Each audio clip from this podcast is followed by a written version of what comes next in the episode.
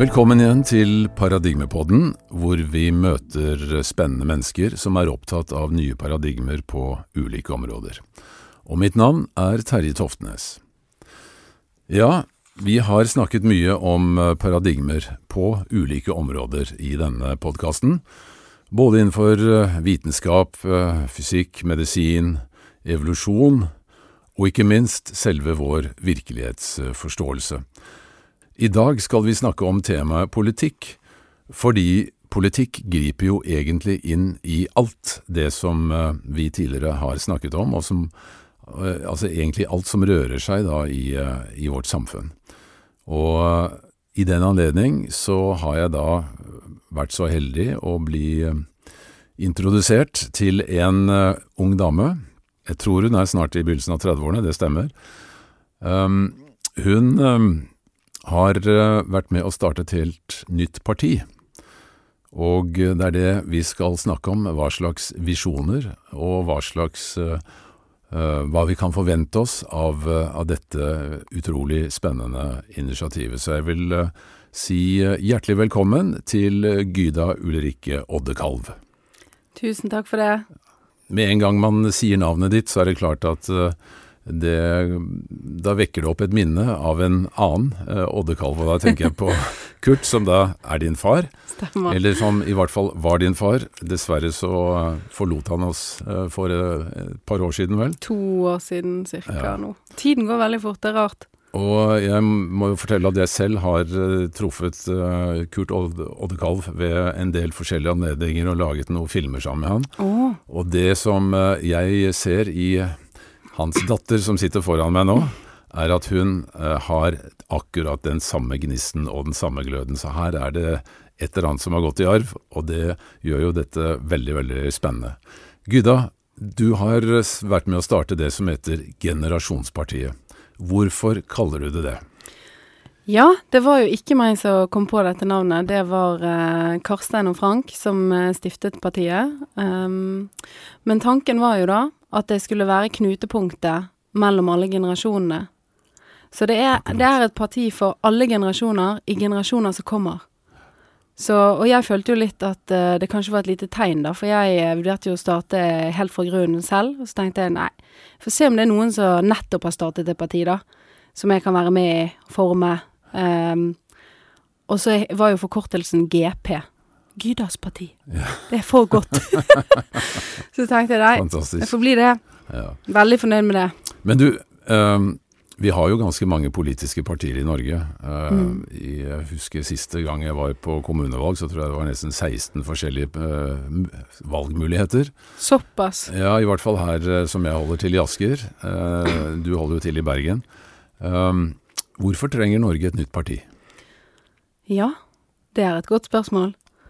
Jeg prøvde jo å gå inn i et annet parti, men jeg opplevde jo fort at disse partiene er jo laget sånn at det er jo ikke mulig å komme gjennom der med noen ting som helst.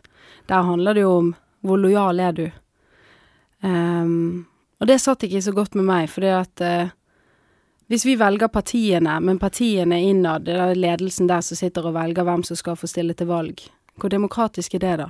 Mm. Så det, det, var viktig for meg å bygge opp en uh, organisasjon fra grunnen av. I likhet med det min far gjorde. Han gjorde det samme med Miljøvernforbundet. Bygget det fra grunnen av. Gikk ut av Naturvernforbundet. Mm. Rett og slett for å sikre at rammene er bedre, sånn at det ikke blir sånn for nye folk som kommer inn i dette partiet. Mm. Så derfor trengte vi et nytt parti. Og så er det noe med at for meg så handler det ikke om rødt, blått og grønt. Det handler om de overordnede politiske rammene som disse fargene spiller innenfor, da. Mm. Um, så det, det, er det som uh, ja. opptar meg mest. Ja, altså Jeg har jo nevnt ordet paradigmer mange ganger, og uh, jeg aner jo her at du er ute etter faktisk å endre en del paradigmer innenfor politikk eh, generelt, og ikke minst også når det gjelder samfunnssystemer generelt. Så um, det skal vi snakke litt om, da. Mm. Um, men uh, det kunne vært interessant å spørre deg, altså hvordan tror du at samfunnet mest sannsynlig kommer til å endre seg utvikle seg, la oss si de neste 20-30 årene? da? Det er et stort spørsmål. Um, også nå med kunstig intelligens og sånn, så bare det siste året så er det jo så sinnssykt mye som har endret seg. Så jeg tror at det kommer til å ta helt av og bli helt annerledes enn man kan se for seg. Du tenker deg en større endring enn uh, Ja, det er veldig mye Nå er det veldig mye som rives opp med roten. Og jeg er jo en av de som holder på med den rotrivingen. ja. Så det, det, er mye som skal, skal, opp og vendes på. Ja. Vi er jo kommet uh, til et sted i vår historie hvor vi på en måte begynte å snuse på Ja, ikke bare det. Vi har, vi har, egentlig kommet til det punktet hvor vi står og ser på en datamaskin og sier 'er den bevisst'? Ja. Sant? Da tenker jeg at eh, hvordan fremtiden blir, det blir veldig vanskelig å si, da. Men eh, jeg skal i hvert fall gjøre mitt for at eh, befolkningen i Norge skal ha det godt også i de kommende generasjonene, da. For det Ja. Men du, det å starte et uh, nytt parti helt fra bunnen av mm. um, Altså det må jo være en ganske stor oppgave, fordi uh, altså bare det å nå ut til mennesker i den uh, mediejungelen som er nå, det må jo være ganske utfordrende? Ja, det er helt perfekt. Jeg elsker utfordringer. Det er det jeg liker aller best. Så det er jo det jeg personlig får ut av det, da. Er masse utfordringer og Ja. Jeg syns det er skikkelig spennende. Jeg elsker å prate med folk og bli kjent med nye mennesker og få nye perspektiver på ting og ja. Mm, mm. Så dette blir uh, gøy og utfordrende. ja, ja det, det, er ganske overbevist om at det kommer til å bli. Men uh, igjen, altså tilbake til uh, skal vi si den uh, grunnmuren, da, eller den grunnvollen som dere nå bygger. Mm. Fordi jeg skjønner jo at dere vil prøve å være litt annerledes enn det som, som vi opplever med skal vi si, den, den, de tradisjonelle partiene og den tradisjonelle måten å drive politikk på. Kan du si litt sånn Uh, ja, altså overordnet, hva er det dere kunne tenke dere å endre på? Altså Hvor skal generasjonspartiet være annerledes enn andre partier? Hvordan? Jeg, jeg, opplever jo at veldig mange er veldig lei av politikk og ikke engasjerer seg der. Og det er jo eh, på grunn av sånn som politikken er satt opp. Det føles Det setter deg litt i en sånn hjelpeløs tilstand. Så en av mine Altså en av de tingene jeg brenner veldig for, da, er å få flere til å engasjere seg, gjøre det enkelt for folk. Og da handler det jo om desentralisering. Mm. Og rett og slett gjøre alle nivåer mer selvstendige. Altså helt ned til individet. Gi de mer rett til å bestemme over egne liv. Jeg mener jo at vi er jo gjennomsyret av reguleringer.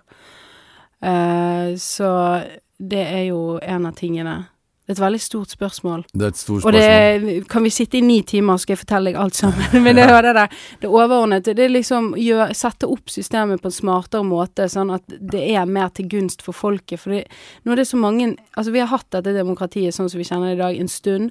Og det er sinnssykt mye bra. Vi har det utrolig godt i Norge. Men så er det også en del ting som kunne vært mye bedre. Altså mange ufornuftige ting, da. Uh, sånn som det vi snakket om i sted, om med formuesskatt og eiendomsskatt f.eks. Det, det rammer mm. bare på en helt uh, feil måte. Ja, vi, var jo, vi satt her og hadde en liten uh, prat før vi startet. Ja. Og nettopp dette med at disse såkalte rikingene nå rømmer landet for å, for å ikke tappe sine egne bedrifter for, altså for, fordi de må betale formuesskatt, som ja. da de er nødt til å ta ut som utbytte eller lønn av bedriften for å få betalt, og dermed så tapper de sine egne ressurser i en grad hvor det truer bedriftens eksistens. Det er jo det som i hvert fall er argumentet, da. Ja, og slik kan vi jo ikke ha det, og det er bare sånn ufornuftige ting, da. Så det, jeg ser mye sånn ufornuftig politikk mm. som jeg tenker at eh, her kan vi jo rydde opp, og så er det ja, en del ting, eh, en del strukturer som kunne vært eh, lagt på en annen måte til, til gunst for folket, da.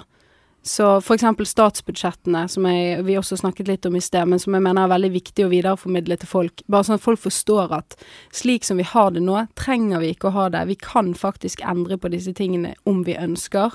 Men mm. det, men det krever faktisk at folket velger politikere som har en plan for landet.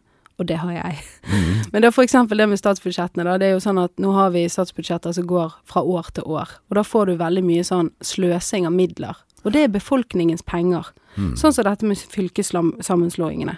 Hvor det bare øses milliarder inn i et prosjekt som så blir, skal bli reversert. Og da Det er jo helt ufornuftig. Vi kan jo eksempel i Sverige, der har de innenfor samferdsel femårsplaner. Mm. Sånn. Da er det jo mye, mye mer um, eh, det er lettere for bedrifter, selskaper, å planlegge eh, i forhold til å ha liksom lengre perspektiver. Eh, og det er mye mer handlekraft i det. Mm. Og hva er det Norge er helt utsultet på? Handlekraft. Mm. Så dette er en måte vi kan få mer handlekraft på. Og selvfølgelig, alt har en bakside. Det er jo nyanser. Eh, det vil jo også være vanskeligere å endre på dersom vi får noen dumme beslutninger. Men det handler jo også om at vi trenger mer samlende visjonært lederskap, og derfor mener jeg at å bygge opp et nytt parti eh, som eh, så den brede, det brede lag av befolkningen kan kjenne seg igjen i, Mm. et sted hvor det er rom for dialog, eh, hvor organisasjonsstrukturen er bygget opp annerledes rundt beslutningsprosessene, slik at flere kan delta. Sånn som vi har jo lagd disse tenketankene, eksempel. Det er fritt frem å være med i, og det, du trenger ikke være medlem i partiet engang for å være med der. Altså dere har laget Ja. egne tenketanker? Ja.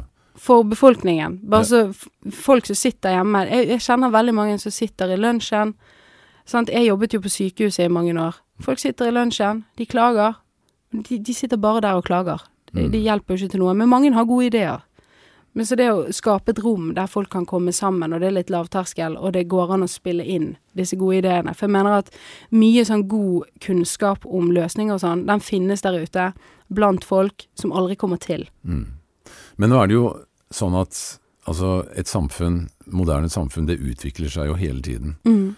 Og et, på, på grunn av ny teknologi, og spesielt, så går jo denne utviklingen raskere og raskere og raskere. Og samtidig så må samfunnet styres av eh, en viss form for kontroll og reguleringer, ikke sant, for, å, Mm. holde, for å holde hjulene i gang Ja. på en fornuftig måte. Og det som jeg kan i hvert fall tenke meg er en utfordring, er at systemene også da er nødt til å endre seg i takt med eh, skal vi si, denne utviklingen. Mm. Og det vet man jo at systemer, når de først har satt seg, så er det veldig vanskelig å endre på. Også fordi at de som har laget systemene, de vil gjerne beholde de. Altså, det, går jo ofte mye prestisje i ting, ikke sant. Ja, det er sant. Og det, eh, sånn at, at det å, å, å kunne både endre ting på systemnivå og endre grunnholdninger til ting, må jo være en ganske stor utfordring da, når vi ser hvordan tempoet i utviklingen kommer til å bli fremover. Ja, det blir det. Og det skal du gjøre. Jeg føler meg så heldig som får en sånn utfordring. Ja, men det, for meg er det et kall. Og jeg kan bare si det at helt siden jeg var et lite barn, så har jeg visst at jeg skulle gjøre politikk. Men jeg har hele tiden sagt det må, det må bli seinere. Det må bli når jeg er klokere, når jeg er visere, når jeg har mer å komme med. Mm. Men så, etter min far døde, så skjønte jeg at nå er tiden inne. Og da kjente jeg at nå er jeg klar også. Men helt siden jeg var liten, så har jeg følt det. Så bra, så bra. Mm. Ja, du har i hvert fall en, eh, klar visjon og en klar retning, og det er jo et, eh, et skikkelig privilegium. Det er det. ikke- Det er så meningsfylt. Mm. Og kanskje, når du sa det der med teknologi og sånn, tenker det er jo veldig, det er veldig skremmende, men det er også et veldig stort potensial i det. Eh, kanskje vi kan få det slik da hvis for eksempel AI kan ta over en del oppgaver som ikke mennesker lenger trenger å gjøre. Så kanskje flere kan få jobber der de ikke bare jobber for å få en lønn, Mm. men jobber med noe som gir de mening. Mm. Det er jeg opptatt av. Ja, altså, det er jo I altså, i vårt velferdssamfunn så har vi jo kommet altså, veldig, veldig langt på mange områder, og de aller fleste mennesker, i hvert fall i dette landet, de lider ingen eh, umiddelbar nød. Selvfølgelig så har vi store forskjeller Mm. uh, fremdeles, men, uh, Men nå tenker du materialistisk, ikke sant? Nå tenker jeg materialistisk, ikke sant? Og det er jo det som uh, har vært noe av den norske dugnadsånden da, helt siden skal vi si, ja, krigen, eller annen Ja. verdenskrig. At vi skulle bygge landet sammen, og vi skulle altså skape et, øh, et velstandssamfunn, og vi skulle skape et trygt samfunn og et øh, sikkert samfunn, og vi skulle skape et samfunn hvor mennesker kunne føle seg frie og få mulighet til å skal vi si, realisere både sine drømmer og tanker og, og potensialer. Og vi må jo si at vi har kommet ganske langt på den veien, så spørsmålet er jo hvordan kan vi utvikle dette videre, og Mm. uten å miste mange av de verdiene på veien. Hva Ja. slags tanker har du rundt det? Levestandarden her er jo veldig god, og det er veldig bra, men nå har vi jo også eh, økt ulikhet, og det er mange som sliter med økonomien sin fordi vi har veldig dårlig ledelse i dette landet. Eh, men når det gjelder det som skriver seg til eh, livsglede og disse tingene her, da, så mener jeg at vi ikke har det så veldig bra i dette landet. For det er veldig mye emosjonell umodenhet, og veldig mange sliter med psykisk helse. Og det tror jeg igjen er et symptom på at folk ikke har mening i livet sitt lenger. Eh, vi er jo blitt et mer og mer sånn sekulært samfunn. Er det noe vi har mistet på veien ja, i, i denne si, dyrking, dyrkingen av den materielle Spesielt den materielle delen av, av livet? ja, det, det, det, er det. Så eh, jeg, eh, jeg vil jo jobbe mer for at uh, vi innretter livene våre på en smartere måte, en måte som spiller på lag med vår egen biologi. Fordi at nå er det blitt så mye sånn Du må hele tiden ha så mye viljestyrke i dette samfunnet for å ta gode valg. Du må ha viljestyrke for å komme deg på trening, du må ha viljestyrke for å stå opp om morgenen, du må ha viljestyrke for å ikke kjøpe godteri på butikken. Alt er liksom et sånt ork, og så har man veldig lite tid, noe som ikke hjelper så veldig på Eh, den viljestyrkemuskelen. Mm, mm. Så å innrette samfunnet på en smartere måte, slik at det ikke blir så veldig sånn at du hele tiden må drive og ta alle mulige sånn veldig viljestyrte Altså sånn mm. For eksempel, jeg har jo lenge syntes det var veldig rart at de kan drive og reklamere for uh, godteri, for eksempel, og uh, ha det veldig tilgjengelig midt på butikken. Sånn, altså ja, Spesielt nå som vi vet, altså som forskningen viser helt tydelig, at det er uh, ikke bra for kroppen i det hele tatt. Ja, og vi har så mye livsstilssykdommer i sykehusene. Altså, jeg mener, sist gang jeg sjekket opp i det, så var det 80% av det man behandlet der på sykehuset, det var livsstils livsstilsrelaterte sykdommer. Uh, og sykehusene er helt fantastiske når det gjelder akuttmedisin, men livsstilssykdommer, da får du sånn symptombehandling. Så er det bare en evig runddans, helt til du finner ut at det folk egentlig trenger, det er jo psykolog, mentaltrening, uh, for alt starter og slutter oppi hodet ditt. Så du det du sier er at du uh, på en måte vil ansvarliggjøre folk mer for sin egen helse? Ja, men samtidig så er det jo noe med utviklingen, for folk er på forskjellig utviklingsstadie i forhold til Altså, folk har jo utfordringer i livet, så må de jobbe seg gjennom dette. Uh, og sånn har det vært for meg òg. Um, på ett tidspunkt så veide jeg 20 kilo mer enn jeg gjør nå. Og det var fordi at jeg drev med sånn emosjonell spising. Mm. Og det er jo traumerelatert, fordi at jeg har hatt noen traumer eh, som jeg måtte jobbe meg gjennom. Men på andre siden av det, når du forstår hva du er i stand til som menneske, da, mm. og når du klarer å sitte deg i førersetet på ditt eget liv, og liksom mm. Da begynner det å bli spennende. Men det er derfor jeg mener at vi må hjelpe Altså helsevesenet burde være mer innstilt på å hente ut ressursene i mennesket, og det, jeg tror ikke det hjelper bare å gi folk Eller jeg vet at det ikke hjelper å gi folk piller for ting som egentlig har med deres mentale helse å gjøre. Så jeg er veldig opptatt av at uh, vi må gjøre et sinnssykt løft hva gjelder mental helse, fordi at Ja, jeg mener at uh, det er grunnen til mye uhelse, da. Vi har jo en uh, veldig høy selvmordsstatistikk i dette landet, ja. ikke minst blant ungdom. Ja. Og det, det, er jo ganske paradoksalt, egentlig, når vi eh, på den andre siden kan skryte at vi er, eh, om ikke det rikeste, men i hvert fall en av de aller rikeste land i verden, og, og, og at vi egentlig burde ha løst de aller fleste problemer, for det har vi både kunnskap og, og, og si, økonomiske muskler til å gjøre. Men allikevel, som du sier, Norge kommer ikke høyest på statistikken når det gjelder uh, lykke. Altså Det har jo vært Nei, studier på dette, hvem er det som føler seg lykkeligst? Og der uh, havner vi jo et godt stykke nedpå. Det er en indre reise du må ta, og du må forstå at du har hele tiden valget mellom frykt og håp, mm. og mellom glede og sorg.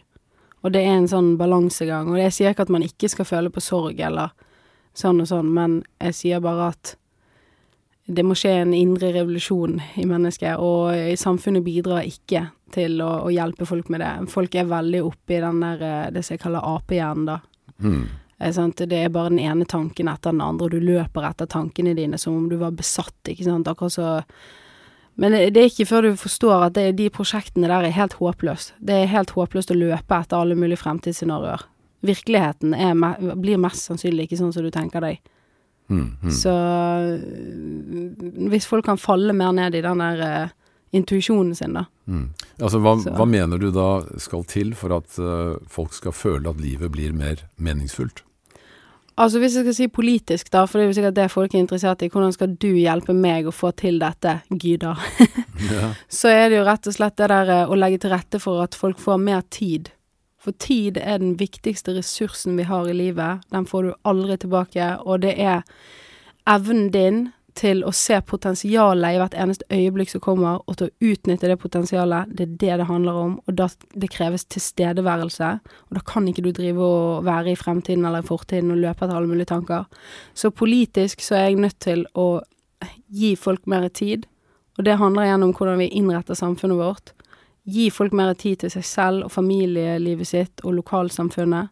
Og i for eksempel i forbindelse med dette med kunstig intelligens, så handler det mye om hvordan skal vi regulere dette sånn at vi kan utnytte det på en god måte, da. Mm. Fordi det spørsmålet er her nå, og det må vi svare på.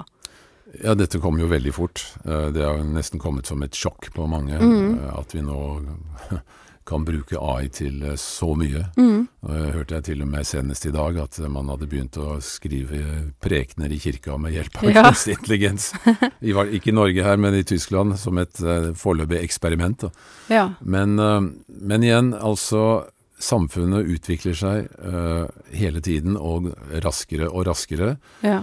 Eh, men vi mennesker, altså våre holdninger, klarer vi å utvikle oss like fort? Klarer vi å følge med i dette tempoet? Vil det bli et større og større skal vi si, gap mellom teknologi, altså teknologisk utvikling og, og, og oss som mennesker? Ikke bare teknologisk utvikling, da, men hele samfunnsstrukturen. Den, kan vi risikere at den på en måte løper fra oss? Altså, tenker du på sånn scenario der hvor de på en måte tar av og kontrollerer oss, Ja, nå, sånn tenker jeg ikke type? bare, nå tenker jeg ikke bare på AI, men jeg tenker på tenker, altså både teknologi og systemer på så mange områder. Ok, nå, nå forstår jeg. Jeg tror jeg forstår i hvert fall hva du mener. Altså, det, det har har jo allerede gjort det. ja, eller at det blir en, en form for en slags eh, ikke en økonomisk elite, men en teknologisk elite. Som, eh, som kan begynne å dominere i mye større grad. Altså, det, men det er allerede sånn i dag, mener jeg. Fordi at uh, big tech, big pharma and all the big bad ones, det er de som styrer verden i dag. På, altså, I forhold til politikken, så er det jo Der er jo musklene. Mm, Det er jo der de store musklene. Altså For eksempel i Norge, du har jo Equinor, sant. De styrer jo masse. Bare fordi de har så mye ressurser. mm, mm. Selvfølgelig. Um, men så syns jeg også det skal være et samspill mellom altså politikken og teknologiselskapene og alt det, fordi at uh, det er jo sinnssykt bra det de får til òg, sant, men det er bare det der å ha den balansen i det hele tiden. Men jeg mener jo sånn som det du spurte om i sted, jeg mener jo at det allerede har skjedd. Bare ved Se hvordan folk holder på på mobilene sine.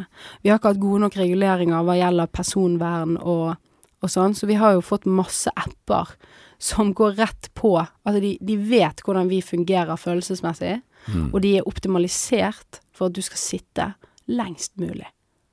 Altså, for eksempel TikTok. Det er jo en sånn kinesisk app. Den tracker jo fingerbevegelsene dine. Og så gir den deg innhold som du liker, ut ifra den trackingen som de hele tiden holder på med, hvordan du samhandler med applikasjonen. Og da har det jo allerede skjedd, sant? Mm, Vi er jo allerede så inni disse, disse, altså, inni disse appene. Uh, så jeg vil bare si til alle som sitter og lytter at uh, for all del, skru av varslene dine med en gang. Alle varslene, og så takker du meg senere. Lover deg. Du kommer til å føle at uh, du har en helt annen frihet, og du får mye mer ro. For hver gang du får et pling på mobilen din, så reagerer kroppen din. mm. Du blir som en sånn her kokainrotte, som jeg Mm. liker å si det. Mm. Fordi at du, du, du har ingen styring på det der. Mm. Du ser ned. Men altså, jeg har lyst til å bare eh, gå litt, eh, se litt Mm. bakover i historien. Eh, Ja. Fordi det har vært mange store kulturelle revolusjoner i, opp gjennom tiden, ikke sant?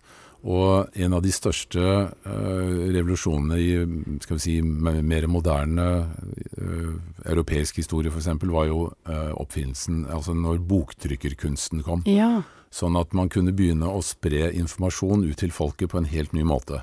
Ja. Eh, før det så var jo folket stort sett bare styrt av en uh, selv, eh, skal vi si, autorisert elite. Mm. Eh, enten innenfor kirken eller om det var kongedømmer, eller altså det var ofte veldig sterke personligheter som kom egentlig fra sterke familier, eller som fra andre type, skal vi si, elite grupper i samfunnet som klarte Mm. å manøvrere seg opp i toppen, ofte ved hjelp av, eller ved bruk av ganske brutale midler. Men da var det mye lettere å kontrollere liksom hele samfunnet, fordi at øh, det var mye mer oversiktlig, og Ja. folk hadde ikke tilgang på informasjon som gjorde at de kunne begynne å stille for mange spørsmål. Tankegodset deres ble vel kanskje ikke heller så eh, diversifisert. Altså i, i dag så har vi jo veldig stor spredning i tankegodset, og det er jo kanskje av det. Ja, også, Det er et godt poeng. Men altså etter at boktrykkerkunsten kom og, og begynte å trykke bøker, så kom jo så kom det jo selvfølgelig altså den industrielle revolusjonen og alt dette her, som eh, gjorde at eh, man kunne begynne å produsere mat bedre. Så fant man olje, Mm. som gjorde at man kunne begynne å lage forbrenningsmotorer, som kunne gjøre at vi kunne frakte mat rundt omkring. Og, altså, samfunnet bygde seg veldig opp. Men så, eh, altså i min bare i min levetid, nå er jo jeg bikka eh, litt over 70, Ja, det er helt utrolig. Så- Det ser ikke sånn ut. Vel, takk for det.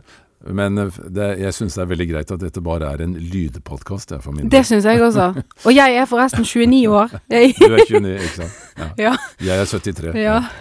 Men eh, nok av det. Eh, jeg husker i hvert fall da Altså da I min barndom så satt jo folk ofte og hørte på nyhetene på radio før de gikk og la seg om kvelden. ikke sant? ja.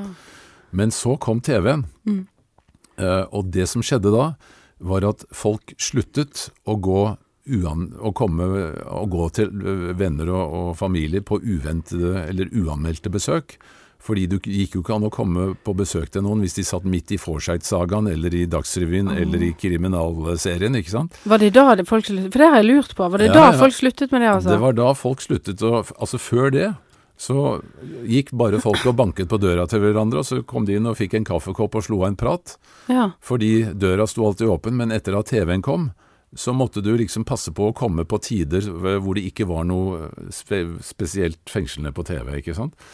Eh, så det var Og i tillegg så fikk jo da Altså vi hadde noe som het Filmavisen før det, som du kunne gå og se på kino. Ja. Som var en slags ukerevy, men så kom jo da Dagsrevyen med nyheter hver eneste dag eh, filmatisert. Og plutselig så, så begynte befolkningen å få en helt annen uh, nyhetsflom og en helt annen forståelse av hva som rørte seg i samfunnet. ja. Og så begynte det å blomstre opp, altså mer bevissthet rundt det, ikke sant. Og sånn at den neste revolusjonen igjen, etter fjernsynet, da, det var jo altså introduksjonen av uh, internett. Mm.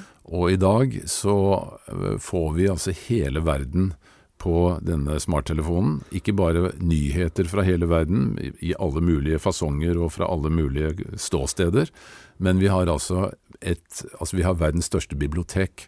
Eh, Vi kan utdanne oss til kvantefysikere bare ved å sitte med en smarttelefon. Vi behøver ikke gå på et universitet lenger, ikke sant. Det er sant. Altså det er, jeg tror ikke vi egentlig aner hvor, hva det be, be, egentlig betyr. Og nå kommer jo også da AI, selvfølgelig.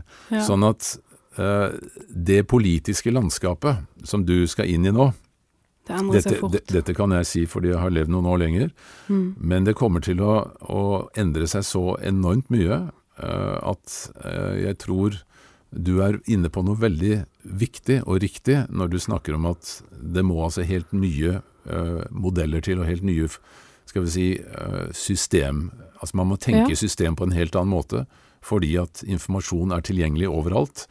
Og eh, hvis du skal få folk til å være med og bestemme mer, altså sånn nesten som et folkestyre, Mm. så er det vel kanskje første gang i historien at vi har muligheten til det. Fordi at Ja, folk, det har, folk har muligheten til å få all type informasjon. Ja. Så eh, jeg må jo si at det er et utrolig ambisiøst prosjekt som du nå går inn i, da. Ja. Med å starte et nytt parti med en helt uh, fersk og ny eh, tanke på hvordan man skal møte disse fremtidige utfordringene. Nå ble det en litt Ja. lang tale fra min side, Ja, men det er gøy det. Folk men- liker å høre på interessant informasjon, og det er veldig godt for meg å høre òg at uh, du tenker positivt om det jeg holder på med. Og jeg sier jo bare 'den som intet våger, intet vinner'. Det var favorittmottoet til min far, og det er veldig sant. Ja. Det er noe med å bare hive seg ut i det. Du må være akkurat passe gal nok til å tørre å prøve, og så må du være akkurat eh, passe forstandig til å tørre å tenke deg om to ganger og ja. Ja. Men øh, øh, vi har jo faktisk sammen uh, møtt en som, har vært, uh, som var i den første podkasten som, uh, som jeg hadde her, nemlig stat, statsviter og fritenker Dag Andersen. Fantastisk mann, jeg må bare si det. Ja, det var et veldig, veldig spennende møte. Og han har jo laget denne modellen da, med disse forskjellige kulturelle trinnene. som mm. uh, Han sier at vi har vært gjennom fire forskjellige kulturelle trinn, da, hvor vi nå er på det fjerde trinnet, som han kaller den materialistiske kulturepoken. Mm. Og hans uh, tanke, eller skal vi si idé, eller teori, er jo at vi nå beveger oss opp på det femte kulturelle trinnet, som han kaller det holistiske. Hvor vi også inkluderer en litt annen side av mennesket eh, enn det vi har gjort før. Altså at mennesket da er noe eh, mer enn bare en ren biokjemisk maskin, sånn som eh, naturvitenskapen eh, vil ha det til. Og mm. at det er noe som også må inkluderes da i, i en, en, ny type samfunnsstruktur. Eh, har du ja, noe vi, vi har jo basert eh, partiet på Dag Andersen sin samfunnsrapport fra 2008. Den fant jo veien til meg ved en ren tilfeldighet. Og så eh, ble jeg jo kjent med deg egentlig ganske sånn Jeg visste jo ikke at du kjente Dag. Så det, jeg tror jo ikke noen ting er tilfeldig. Jeg tror det er skjebnen. Jeg tror det er meningen. Ja. Så vi, vi, har jo eh, Jeg er helt enig med, med de eh, betraktningene som Dag Andersen og du kommer med her. Eh, for det er det vi trenger, er jo enhet, frihet og utvikling. Ikke sant. Ja, For det er jo disse tre begrepene som, eh, som du nevnte. Altså enhet, frihet og utvikling. Mm. Kan du presisere litt mer eh, hva, hva dette står for, for, eh, for deg og Generasjonspartiet? Ja, altså he, helheten er jo summen av alle delene. Men enheten er jo det å se enheten i alle Altså det er egentlig ikke oppdelt. Alt det er bare én ting. Akkurat sånn som jorden. Det er ett system. Og vi har begrensede ressurser innenfor det systemet. Så det er det å klare å se det sirkulære i det, da. Så du, det du mener er egentlig altså at enhet er eh, egentlig mangel på oppdeling? Ja. At, at, ting henger sammen? Ja. Mens eh, helheten er summen av alle delene her, ikke sant? Det er akkurat det. Det er det, det du påpekte. Men eh, jeg husker også det at du nevnte tidligere, da, at eh, forutsetning for utvikling er altså både enhet og frihet. Ja. Uh, fordi Og det, jeg vet jo at du er veldig opptatt av spesielt ordet frihet. Ja, det er veldig viktig. Har vi, har, vi nok, har vi, nok, frihet i det norske samfunnet i dag? Nei, jeg mener nei. Og så er det noe med Men altså, det er jo litt sånn Dette er jo veldig filosofisk. Jeg sitter og tenker på det. Altså, er egentlig fri vilje en illusjon? Fordi at vi mennesker er jo litt som uh, Vi er jo litt sånn X og Y gir XY, liksom. Altså, vi er jo som en funksjon. Mm. Og alt Altså, vi har jo genetikken vår, og så har vi miljøet og alt vi formes av. Og så er det jo litt sånn Alt jeg er formet av opp til dette punktet, vil jo avgjøre For eksempel, hvis du bare slo meg i fjeset nå, så ville jo jeg enten Altså hvordan jeg reagerer, det vil jo være ut ifra alt det jeg har opplevd. Mm. Så det er jo et filter. Mm. Har jeg egentlig noe frivillige? Sant? Mm. Men jeg tror sånn som for eksempel i militæret og, og, generelt sånn folk som driver mye med åndelig utvikling, så handler det jo om å så eh, sette seg selv i den posisjonen hvor du skjønner at du er ikke tankene dine, du er ikke følelsene dine. Du er den observatøren. Og hvis du klarer å skape avstand til dine egne følelser og tanker, så klarer du også å ikke være så reaktiv. Og kanskje det er der fri vilje begynner. Og så jeg husker jeg leste en utrolig god bok um, av en som hadde sittet i fangeleir, um, som het uh, Viktor Frankel. Har du lest den boken? En veldig god bok. Jeg husker ikke helt hva den heter. Men uh, det handler jo liksom om friheten som vi, hvert individ, alltid har. I friheten hvordan du velger å håndtere ting. Mm. Fordi du har alltid et valg. Sånn som det jeg sa før, altså dette med Du kan velge å uh, være full i frykt eller du kan velge håp. Og ja, det er et vanskelig valg å ta, for det krever litt eh, mental eh, styrke. Mm. Men det er et valg. Men når det gjelder liksom de utvendige tingene, da, altså det som har med samfunnet å gjøre, sånn, så syns jeg jo at det er blitt for mye reguleringer.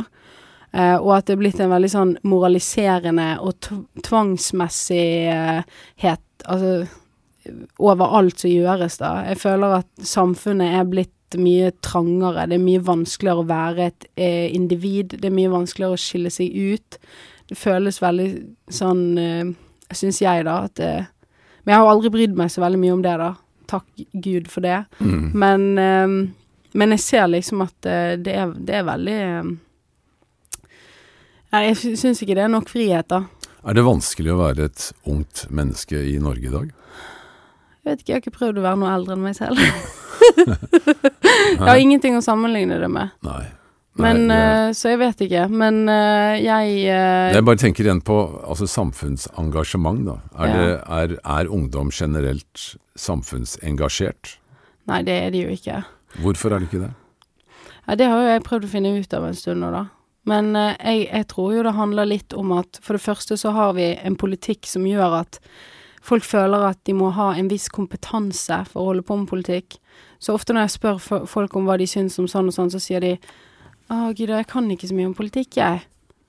Og da blir jeg veldig sånn lei meg, for det at, det at de har klart å så lage det til sånn at folk føler seg ukompetente, at de føler de ikke kan si noe om noe, det er jo veldig toxic, syns jeg.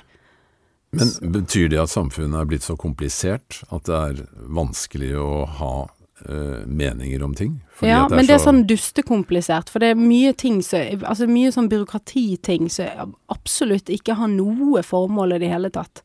Altså for eksempel, ok, hvis vi tar beslutningsprosesser, da. Sånn som de gjøres i det offentlige i dag, så kan vi faktisk like så godt hive krone og mynt. Det viser forskningen. Forskning viser at beslutningene hadde blitt like gode om du hever en krone eller mynt. Og det er jo litt skremmende. Hvorfor bruker vi penger på det da? Er det bare for syns skyld? Ja, det tror jeg. Det er bare for syns skyld. Og det er jo helt sykt. Så jeg bare tror at politikk er blitt så kaotisk at uh, folk har ikke lyst til å ta i det. Og det var kanskje derfor det tok meg så lang tid også, fordi at jeg tenkte lenge sånn Jeg vet at jeg skal inn i det der, men jeg har ikke lyst.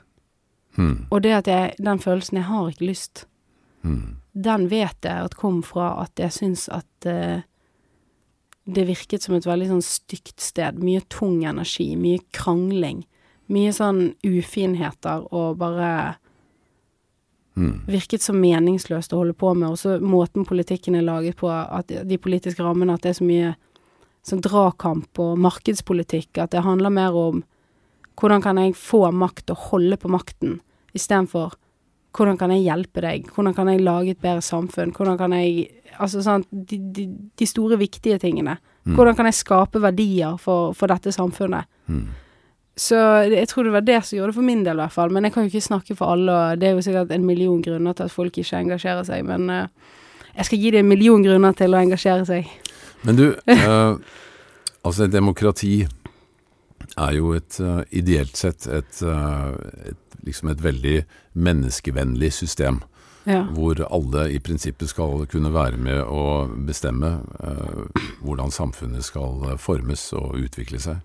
Eh, og, men altså i praktis, praksis så, så er det veldig vanskelig å ha folkeavstemning om den minste sak, ikke sant?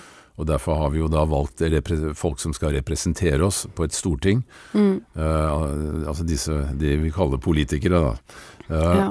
Og ut fra en sånn tankegang, da, at eh, politikere skal på en måte være samfunnets uh, talerør, ja. uh, hva vil du da si uh, karakteriserer en god politiker? Nei, det er jo egentlig evnen til å sitte seg inn i hvordan det er å være og leve et alminnelig liv, og forstå mange ulike typer mennesker, og kunne relatere, da. Betyr, ja, altså du sier det, forstå mange mennesker. Altså det, det betyr at du må ha en, en viss menneskekunnskap? Altså, jeg tenker at du må være en sinnssykt god leder, og så må du være en eh, diplomat, og du må, du må tåle å bli veldig stresset. Og så tenker jeg at uh, At eh, Jeg ble så opphengt i det når du begynte å For jeg sitter og tenker på noe annet, skjønner du, som jeg syns er grådig irriterende, og det er jo hvordan de har satt opp dette demokratiet, da. Og jeg vet ikke om folk vet det, men det er liksom Partipolitikken er jo sånn Ok, for det første så skal du ha 5000 signaturer skriftlig på et ark. Ikke elektronisk. Vi er i 2023, men du skal ha de skriftlig på et ark. Sant? For å kunne stifte et parti, sånn at du kan stille til stortingsvalg. Det er jo det faenskapet jeg holder på med nå. Og det er jo ganske omfattende og krevende. Å få 5000 signaturer innenfor ett år på papir. Ja. Sant? Så da, det viser jo noe om hvor vanskelig det er å få til å lage et nytt parti, sant. Og så når du først har laget et parti, så er det jo sånn at de som styrer partiet, det er jo de som velger hvem som skal komme seg opp. Så folk, det er jo bare de som på en måte er enig med det som ble bestemt i begynnelsen. Og så har du disse årsmøtene, men altså Det er liksom satt opp på en sånn måte at det er utrolig vanskelig, og spesielt for de som kommer fra mindre ressurssterke familier. Det er jo ikke sjans til å komme seg inn og Mm. Ved mindre de er, ba, altså, er veldig lojale og bare ja, helt enig i all politikken til det partiet. Så jeg syns liksom ikke at det fungerer så veldig godt. Så det er egentlig ikke et demokrati sånn som altså, jeg vet ikke, det er, jo, det er jo et demokrati, men jeg bare mener at det er så mange ting som bare ikke fungerer, og som Jeg tror det er litt derfor folk tenker sånn hva- fordi, For eksempel, hvis folk leser Arbeiderpartiet sitt program, så er det veldig mange som sier til meg ja, jeg, jeg kjenner meg ikke igjen i den og den saken, så jeg, jeg kan ikke bli medlem der. Det er ingen partier de kjenner seg igjen i, fullstendig. Og så er det denne klassiske Nei, du blir jo aldri helt enig med et parti. Sant? Så jeg tenker liksom Det er jo satt opp på en veldig dum måte. Men hvordan kan vi gjøre det bedre? Det er jo det jeg prøver å finne ut av, da. Så vi må jo Det som er positivt, er at jeg har eh, masse tid og energi til å holde på med dette her, og prøve å finne ut hvordan vi kan gjøre det bedre for eh, oss vanlige folk. Mm. For vi har det jo ikke så Vi ble jo lovet at det skulle bli bedre, men det er jo det absolutt ikke blitt. Mm. Det blitt mye verre. Jeg syns jo det egentlig er litt s- ålreit at du er såpass ærlig at du sier at jeg har ikke alle løsningene på, ferdig på bordet. Mhm. Eh, veien skal bli litt til mens vi går. Ja, vi skal gå sakte. Men, trenger eh, ikke å ha noe sånn Jeg skal ikke bli statsminister i morgen eller noe sånt. Jeg tenker at det skal ta tid, og så skal man vokse, sånn som du sier. Mm. Men eh, allikevel så må du ha en del grunnholdninger, og du må ha noen visjoner på plass. Mm. Kan du si litt mer om, om hvilke grunnholdninger og visjoner som, som er de viktigste for deg? Altså, rettferdighet har jo alltid vært eh, min rettesnor i livet. Altså, jeg har jo en sånn voldsom rettferdighetssans Mm. som bare gjør at jeg, jeg må alltid følge den. Jeg er veldig sånn Viktigste for meg i livet mitt er integritet. For det gjør at jeg kan stå oppreist. Mm. Og det å ha den med seg, da vet jeg at jeg kan klare alt. Så Mm. lenge jeg har integriteten min, og jeg vet hvem jeg er. Det er veldig viktig for meg. Og da vet jeg også at eh, jeg kommer til å gjøre en god jobb for andre mennesker. For det er viktig for meg å være et godt menneske. Mm. Så det Så hva vil du da si, Hva er den viktigste drivkraften din i det hele tatt for å, å gå inn i et så stort, komplekst eh, skal vi si, fagfelt som politikken er? nå? Ja. Det kan ikke beskrives med ord, for det er en følelse. Og det, det bor inni meg. Og det er noe helt eh, Ja. Det er det som jeg har hatt siden jeg var liten. Den derre Jeg vet at jeg skal gjøre dette. Mm. Jeg bare visste ikke når og hvordan eller noen ting, men jeg vet jeg skal holde på med dette. Jeg tror det er et utrolig godt uh, utgangspunkt. Det, det er nok en helt klar forutsetning for å få noe til i det hele tatt. Ja, det er sant. Men du, uh, det, altså det er jo utrolig mange sider ved både samfunnsliv og struktur og system og politikk som vi kunne snakke om. Så Mm. det er jo Jeg er litt opptatt av å prøve å se litt på de store linjene, for ellers kan vi sitte her til, eh, Ja, til, langt, til langt over sommerferien. Ja. Eh, vi, altså I Norge så er vi jo nå i ferd med å bli et mer og mer flerkulturelt samfunn. ja. Eh, og vi ser jo det at etter hvert som nye Altså innvandrere har bodd her da i flere generasjoner, Mm. så, så skjer det jo noe også med tilpasningen til samfunnet. Hvordan tror du det kommer til å prege vårt samfunn eh, i fremtiden? Kommer, til å, kommer det f.eks. til å, å være skal vi si, å ha veldig mange forskjellige kulturer, eller vil vi bli mer og mer homogene, tror, tror du? Og eventuelt, hva ønsker du? Altså hvis du ser til fysikken, da, så er det jo sånn uh, at uh, ting vil jo bli Altså det vil alltid gå mot et større uh, kaos, og ikke mer orden. Det Mhm. alltid gå mot større kaos. Så jeg, eh, jeg tror Altså det, hvis jeg skal ta det over til samfunnsutviklingen, da, hvis du ser på mennesker som partikler, eller Mm. så tenker jeg jo at til slutt så vil jo vi bli så, hva skal man kalle det, blandet, altså fra alle verdensdeler, at jeg tror ikke det vil på en måte være noe vi snakker om Mm. etter hvert, da. Mm. Eh, så jeg tror jo, ja. Men Vil, vil denne holdningen som har preget nå, i hvert fall deler av det europeiske kontinentet, at vi har en slags Altså jeg, En, en del rasefordommer, er- Men jeg syns det er så dumt, det der eh, med rasefordommer. For jeg tror egentlig ikke det handler om hudfarge i det hele tatt. Jeg tror for noen så Jeg tror for noen så eh, Så gjør det sikkert det. Men jeg tror jo grunnen til at det blir krangling og konflikt og hat Hat. Det gror fordi at vi har ulike kulturer, ikke på grunn av hudfargen, men det er Eller rase Mm. eller opplevd rase, for det er jo ikke hva, hva da, liksom. Men eh, jeg tror det er rett og slett eh, ulike kulturer, fordi vi mennesker Vi må jo se på vår egen biologi igjen. Altså, hvordan er hjernen laget? Jo, hjernen er laget for å trekke forhastede slutninger, og til og med hvis vi ser på en vaskekost, eller eh, Så vil vi prøve å lete etter et fjes. Og mange ganger så kan du se fjes i ting som absolutt ikke er et fjes i det hele tatt, sant. Sånn er det når vi møter andre mennesker òg. Fordi hjernen skal være sånn Det er det den er laget for, da. Mm. Fordi at vi skulle jo overleve i naturen, sant. Og da var jo det som var eh, Alt det som var ukjent for oss, som opplevdes annerledes, det var en trussel. Og det er det fortsatt, dessverre. Og det er det som er fordommer. Og så fordommer har jo tjent oss, og nå tjener det oss ikke så veldig lenger. Og det er blitt en sånn stygg ting. Men da må vi på en måte prøve å spille litt på lag med vår egen biologi, og så Det beste hadde jo vært hvis alle hadde litt mer rom for hverandre, da. Mm. Og igjen så er det den indre revolusjonen med det der å skape litt eh, avstand til egne følelser og tanker. Fordi at ja, jeg òg kan ha stygge tanker eller kjipe følelser, men det blir mye mindre stygt Mm. og kjipt hvis jeg klarer å ikke reagere på det, men ta meg sjøl i det. Og være litt sånn Oi, ja, se der, ja. Det kom opp. Mm. Sant? Så Ja, hva var spørsmålet ditt Men- igjen? Det var dette her med Nei, altså jeg tenker på altså, det flerkulturelle, da. Om, Ja. eh, om du tror det er noe som kommer til å fortsette å prege samfunnet, altså en slags polarisering, eller vil det bli en mer en forening i en uh, ny type kultur som favner alle? Ja, etter hvert så vil det jo sikkert det. Men uh, jeg tror jo det er jo veldig sånn én pol skaper en annen pol. Altså du ser bare sånn Kjøttindustrien, veldig kald og kynisk. Uh, Vi produserer dyr som er individer og også har følelser, og så så uh, gjør vi det, og da er ikke det rart at folk blir veganere, for det er jo en motpol. Mm. Det handler jo om at vi er i ubalanse. Mm. Men uh, verden er jo uh, oppsto jo i en slags ubalanse.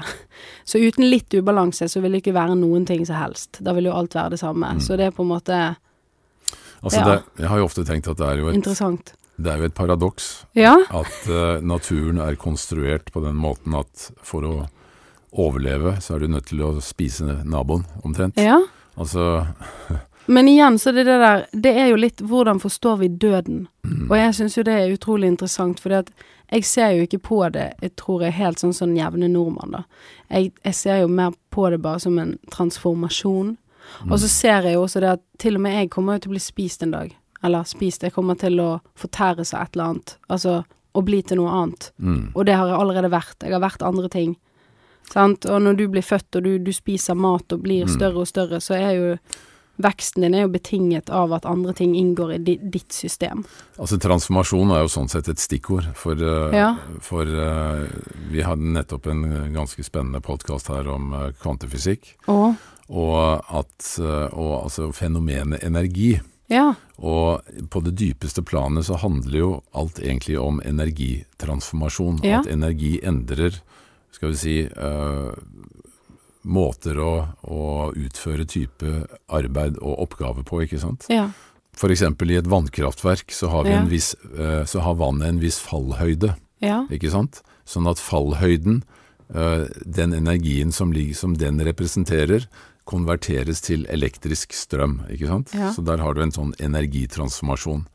I kroppen så spiser vi brød og kjøtt og poteter, Mm. og så transformeres det til eh, energi, til det som kalles for ATP, Mm. i cellene, som er en slags valuta som brukes av alle de forskjellige bitte, bitte små organene inni celler, ikke sant. Så, og fysikken sier jo også at alt dreier seg egentlig om transformasjon av energi. Mm. Så for å overleve på denne planeten, så må du f.eks. da spise andre typer eh, biologisk materiale, som er enten planter eller dyr, ikke sant. Mm. Og det er jo i utgangspunktet ganske brutalt, da. Men det er jo egentlig bare en energiutveksling. Er en- og hva betyr det, Terje? Det- det betyr at vi er en del av alt, og alt er en del av oss. Og det er den separasjonen som vi opplever. Ja. Den er ikke så stor. det er stor. akkurat det jeg vil frem til. At, Ja, eh, jeg følte det veldig mens du snakket, det bare kommer til meg, liksom. For det er sånn jeg opplever det òg. Og da blir ikke ting så skummelt. Jeg kan bare si at jeg gleder meg til å dø en dag òg, fordi at da skal jeg få oppleve Mm. noe annet. Og jeg syns det er så spennende, alt sammen. Og det er Og det er, det, det er da jeg vil inn, eh, prøve å pense oss litt tilbake til dette som Dag Andersen påpeker, at vi er i ferd med å forlate den rene materialistiske forståelsen av verden, hvor ting er veldig separert, og hvor det er liksom konkurranse om, eh, om ting, ikke sant? At det gjelder å grabbe til seg mest mulig mens du er her. Eh, gjerne på bekostning av andre, men så lenge du kan sikre deg selv og dine aller nærmeste, så er det det som gjelder, ikke sant? Ja. Og eh, jeg har en nær slektning som jobber i, i eh, finansbransjen, ja. og han har, sier jo da at litt sånn humoristisk da, at i den bransjen så er det en regel som gjelder, og det er at den som har mest, den som har mest penger på konto når han dauer, han har vunnet. Ikke sant? Så Ja. det er jo Altså det, samfunnet har jo utviklet seg litt sånn, da. At Ja. den materielle Altså Fokusen på det materielle har jo styrt veldig mye av valgene som vi har tatt, og måten vi har bygget samfunnet på. Og eh, tilbake til denne modellen da, til Dag Andersen, som eh, blir ganske godt gjennomgått i episode én av Paradigmepodden. Så sier han at eh, som sagt, vi har vært gjennom fire forskjellige kulturelle trinn, hvis vi ser eh, et par tusen år bakover i tiden. Og fra cirka år Altså midt i middelalderen og fram til nå, så har vi vært på det materialistiske kulturelle Altså kulturtrinnet. Og nå er vi på vei over i det som han mener må være det holistiske, hvor vi nettopp begynner å se på igjen disse tre tingene. Helhet, frihet og utvikling. Altså hvor helheten, at alt sammen er en del av alt. At eh, vi hører sammen, og det vil igjen da generere en mye større respekt, ikke bare for andre mennesker og kulturer, men også selvfølgelig for den naturen vi er en del av. Og det er vel så Men det handler også om eh, bare en ting som jeg Mm. begynte å tenke på når du pratet, da. For det er alltid sånn når jeg, jeg snakker med deg, så får jeg mye innsikter. Det er veldig gøy. Men, eh, men det var det at det handler jo også veldig mye om at eh, Grunnen til at vi liksom har hatt den her eh, akkumuleringstrangen, da, er jo fordi at vi har levd veldig utenfra og inn. Det er der verdien for oss som mennesker har kommet fra. ja. Jeg er sånn som du ser meg. Mm. Det er sånn utenfra og inn-greie, mens vi må på mer sånn innenfra og ut-greie. Sant? Jeg har jo funnet så mye det der at jeg elsker meg selv. Jeg er så stolt av meg selv, og det, sant? i denne verden her så høres jo det plutselig sykt ut å si, men eh, det har jo vært det største skiftet i mitt liv. Å rett og slett legge den verdien Mm. altså innenfra og ut, og da kan jeg gi masse av meg selv og være en ressurs for andre. Det passer jo ikke inn med denne kjente janteloven, da, hvor du helst ikke skal Nei. bety noe, du skal ikke tro at du er noe. Men det det er jævlig skadelig for samfunnet at alle går rundt og gjør seg så små, fordi at uh, Gud, altså når jeg ser folk, så Jeg ser så mange magiske vesener. Altså sånn Folk er så flotte, men så gjør de seg selv så små. Mm. Folk må begynne å liksom se verdien i sin egen væren, da. Ja, jeg tror det er utrolig viktig, og det å være å elske seg selv, det er ikke en floskel. Det er rett og slett en forutsetning for at du skal kunne både være et uh, rimelig lykkelig menneske, men også det at du kan finne mening i livet og også være noe for andre.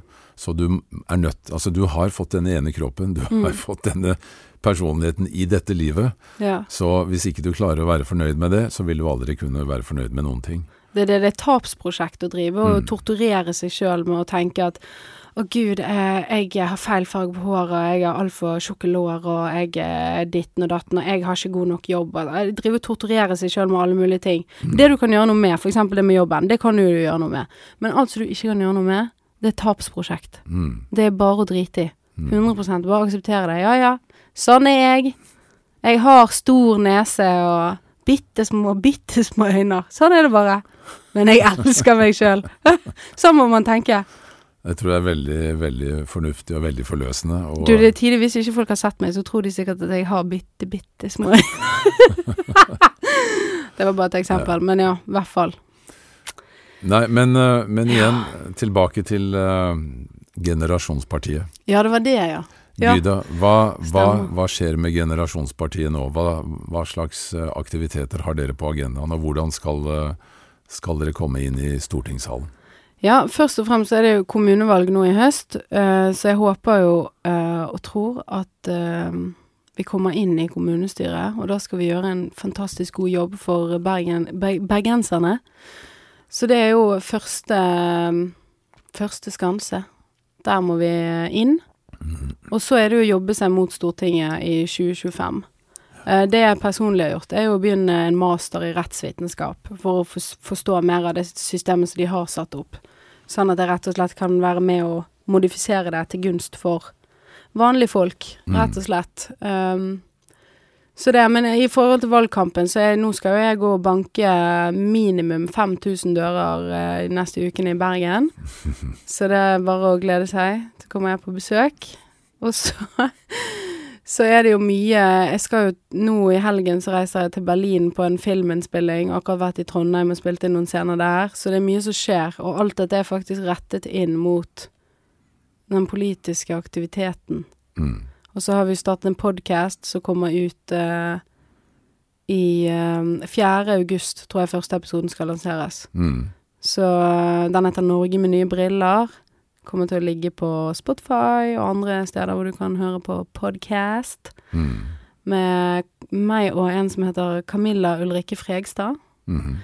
Så eh, det blir jo mye sånne ting. Og så er det jo Ja, blir mye møter i partiet med resten av gjengen og Ja. Skri, Skrive litt eh, kronikker og få folk litt på. Jeg prøver jo hele tiden å engasjere folk, for jeg mener at eh, det er veldig mange som har mye å komme med, men så tør de ikke, eller de føler seg ikke gode nok, og så har liksom lyst til å hjelpe folk å få, få troen tilbake, da. Mm. Troen på seg selv, og troen på at det nytter, for det gjør det. Det, det gjør det. Ja. det. Det er jo noe med det at når du først klarer å mobilisere eh, kraften Mm. i deg, og få det til å også smitte over på andre så de mobiliserer sin egen kraft, Ja. så kan jo mennesker omtrent gå gjennom murvegger. Ja, det er det. Ja. Åh, nei, det er helt fantastisk. Og det, men igjen, for å avrunde litt, eller for å Mm. summere opp litt, grann, eh, Gyda, Mhm.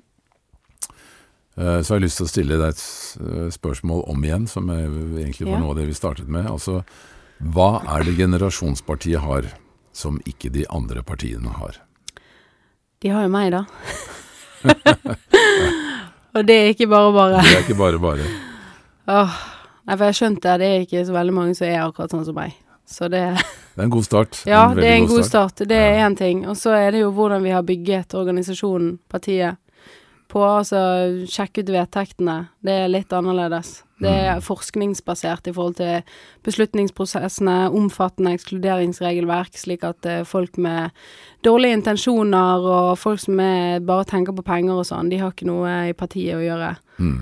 Um, sant? Hvis, hvis du har lyst til å gjøre noe for andre mennesker, eh, og, og få din egen selvfølelse For det, det er mye det der å kunne gjøre noe for andre. Det er ingenting så større enn å gi noe til andre. Det, det er jo bare, bare, liksom Hvis du kjøper en gave til noen og gir den, det føles jo grådig bra, ikke sant? Mm. Det er samme politikk òg. Mm. Så um, det er jo eh, også en ting vi har. Um, og så er det jo Altså hele eh, Hva skal man kalle det, da? Altså de grunnprinsippene våre om hvordan vi gjør politikk, da. Det er ikke noe sånn her eh,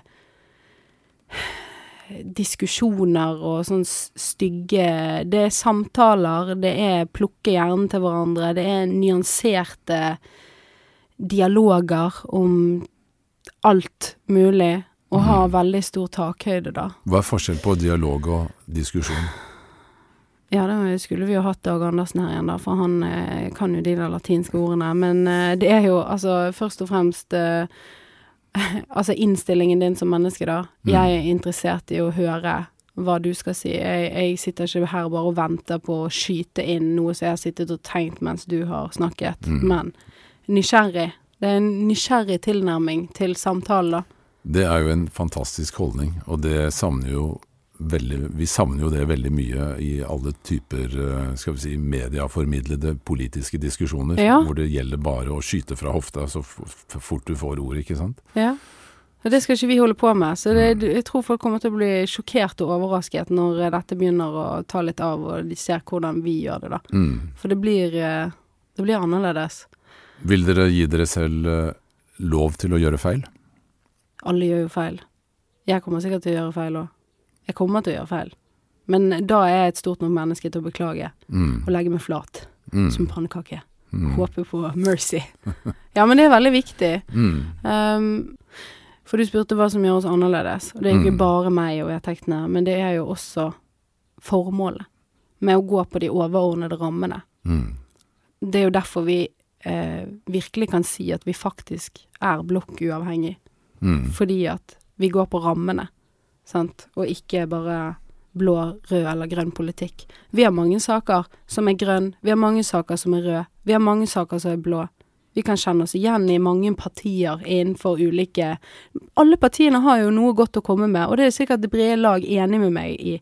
Så dette er jo på en måte Nå skal vi samles, folket, og så skal vi gjøre dette på en annen måte, der hvor det ikke blir sånn som nå, så kamppolitikk.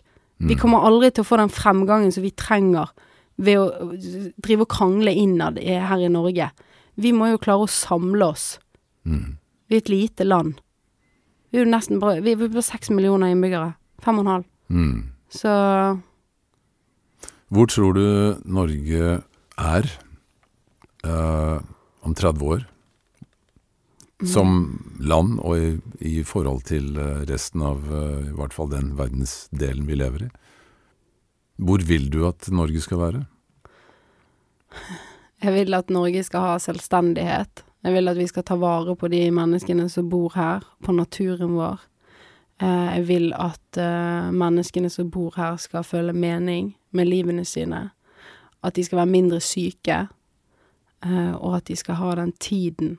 At de skal få tid til å faktisk leve.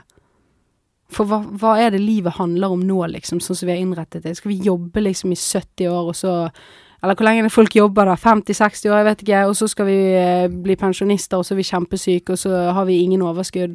Eller dø på veien opp Mm. dit fordi at vi får hjerteinfarkt fordi vi har spist så jævlig mye dritt og stresset oss i hjel. Er det sånn vi skal Er dette liksom Er dette Is this it? Er det derfor vi er kommet hit? liksom? Ja, det er liksom det jeg tenker. Er- Is Mm. this it? Og så vis meg noe mennesker har skapt som er vakrere enn skaperverket. Jeg har enda ikke sett det. Mm. Så, og det driver vi og ødelegger. Og det syns jeg ingenting om. Og mennesker trenger å være i kontakt med naturen, og vi, vi trenger det naturlige. Og så er det kjempekult med teknologi. Jeg elsker tech. Men det er den balansen, da. Så ja. Jeg, jeg har lyst til å sette fingeren på hva er det som er viktig for mennesker, og, og hvordan gir vi det til dem? Hvordan innretter vi smarte Hvordan lager vi smarte systemer som gjør at mennesker kan leve gode liv? Er du optimist når det gjelder fremtiden? Jeg er jo veldig optimist. Altså, tror jeg aldri jeg kunne begynt på de her prosjektene mine. Altså, fordi igjen, det er jo valget mellom frykt og håp, sant.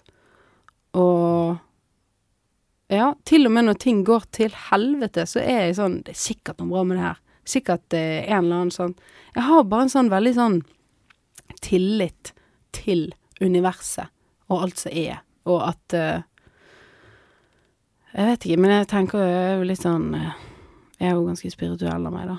Jeg finner mye glede i eh, mitt indre rom, og der er mye trygghet, og det Så jeg er veldig optimistisk og glad, da, mesteparten av tiden. Ja. Gyda, dette syns jeg var eh, en veldig fin avslutning. Ja. Um, jeg kan ikke annet enn å ønske deg lykke til av hele mitt hjerte. Uh, de holdningene som du uh, har presentert her, tror jeg er veldig, veldig verdifulle. Og hvis du klarer å bygge et parti basert på sånne holdninger, så er det kanskje akkurat det vi trenger. Ja. Så um, tvi, tvi. Tusen takk, Du Terje. har tatt på deg en enorm oppgave. Ja. Men uh, det virker som du har akkurat det du trenger. Den passer meg helt perfekt.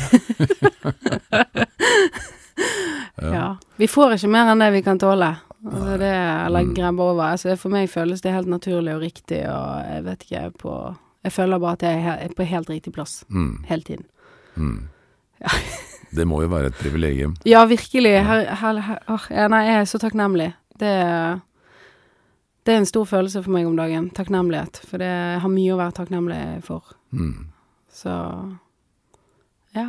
Og jeg tror det er eh, Jeg tror du har en far i ryggen som følger med. Ja, det, det du fikk jeg megafrysninger. Ja, men jeg føler det sånn. Ja. Føler det sånn ut. Mm.